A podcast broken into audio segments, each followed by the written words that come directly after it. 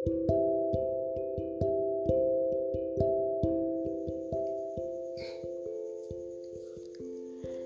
senjamu berlalu, masih ada bisikanku yang akan menemanimu.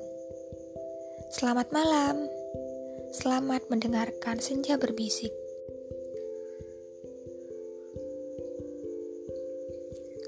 Halo, ada apa menelpon? Nanti malam kita makan yuk. Di lalapan depan. Aku jemput ke kos ya. Hmm, oke deh. Nanti malam aku tunggu ya. Percakapan telepon yang sangat singkat namun sangat berarti. Aku berpikir sejenak.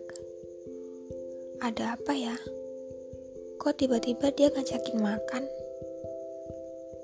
Dan akhirnya malam itu di tanggal yang cantik di kota yang dingin.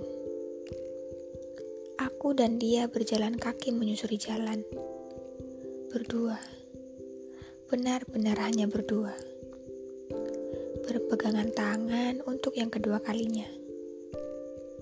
Karena yang pertama kalinya kita berpegangan tangan di dalam bus kota ketika melakukan perjalanan ke kota dingin ini. Aku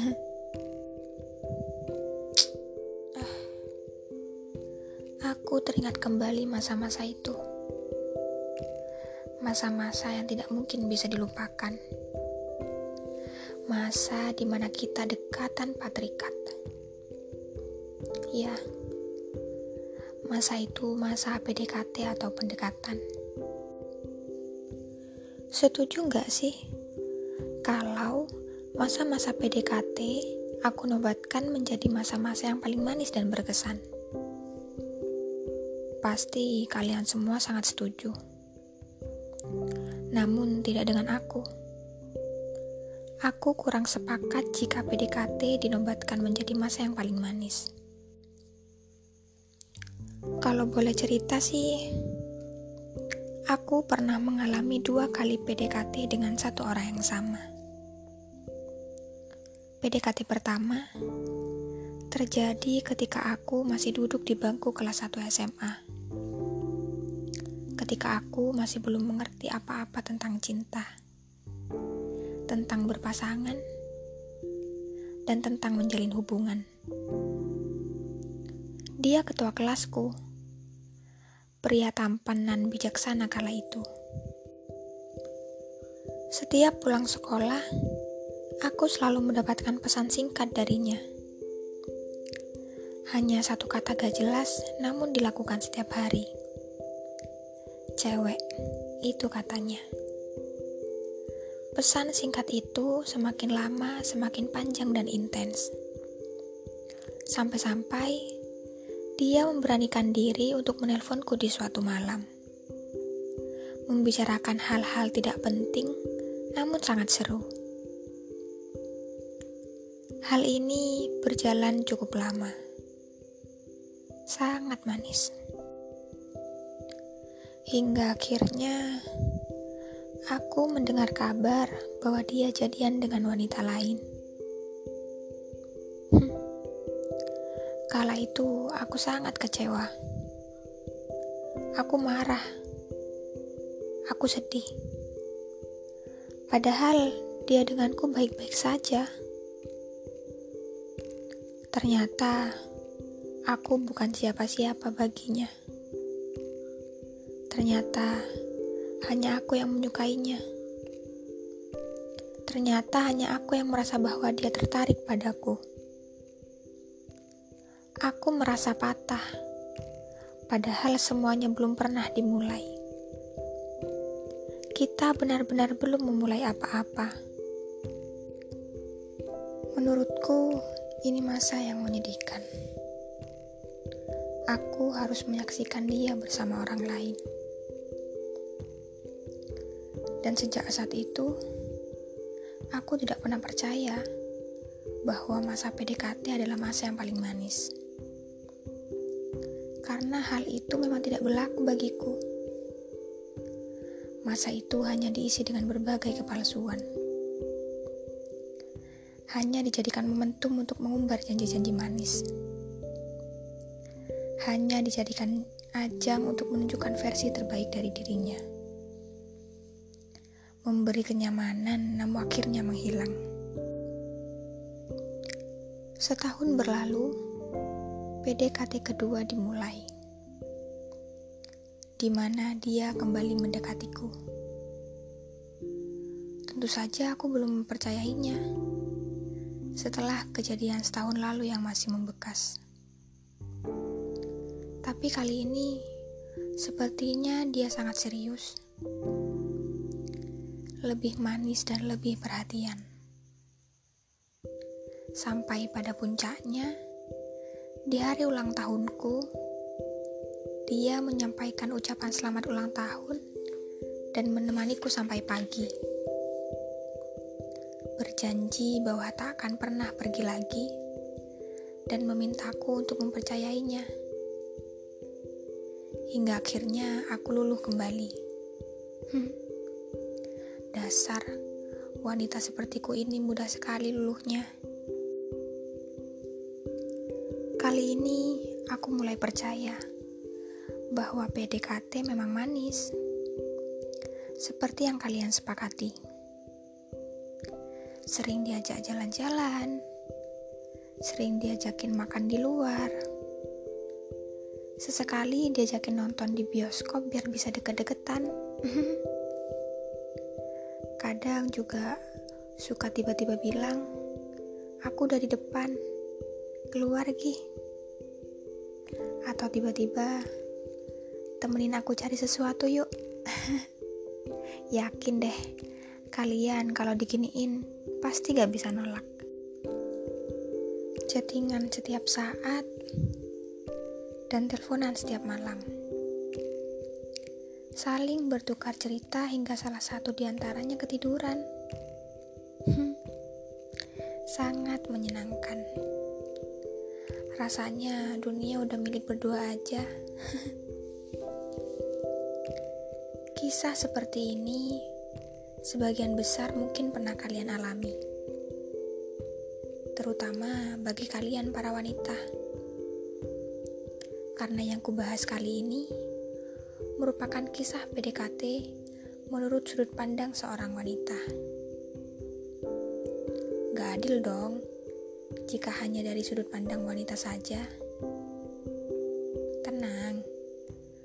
Aku juga akan membahas kisah PDKT menurut sudut pandang seorang pria. Aku mempunyai seorang sahabat pria yang pernah menyampaikan pandangannya tentang PDKT. Menurutnya, PDKT adalah masa yang paling indah dalam sebuah fase hubungan Mungkin sebagian besar para pria setuju dengan pernyataan ini. Karena katanya, rasa suka pria mayoritas dari 100% ke 1%, di mana 100% terjadi pada saat masa PDKT. Masa ini dijadikan ajang bagi para pria untuk menunjukkan karisma serta keseriusannya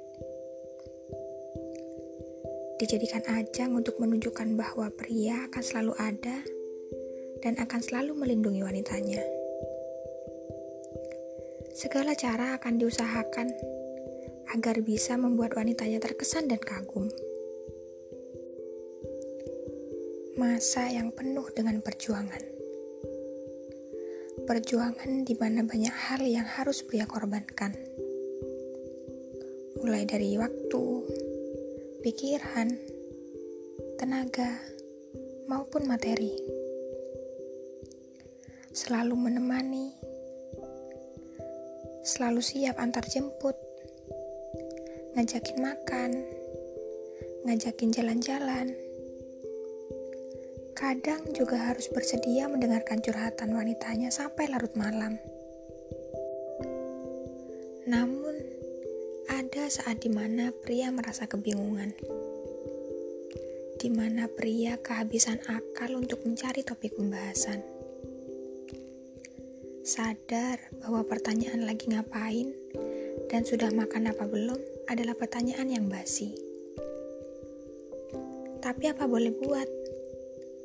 Hanya pertanyaan-pertanyaan semacam itu yang bisa menolong para pria di balik sulitnya mencari topik pembahasan. Apalagi untuk ngajakin jalan atau nonton. Pria butuh waktu berhari-hari untuk menyiapkan mental. Karena takut ditolak. Namun, sekalinya ajakannya diterima, senangnya bukan main.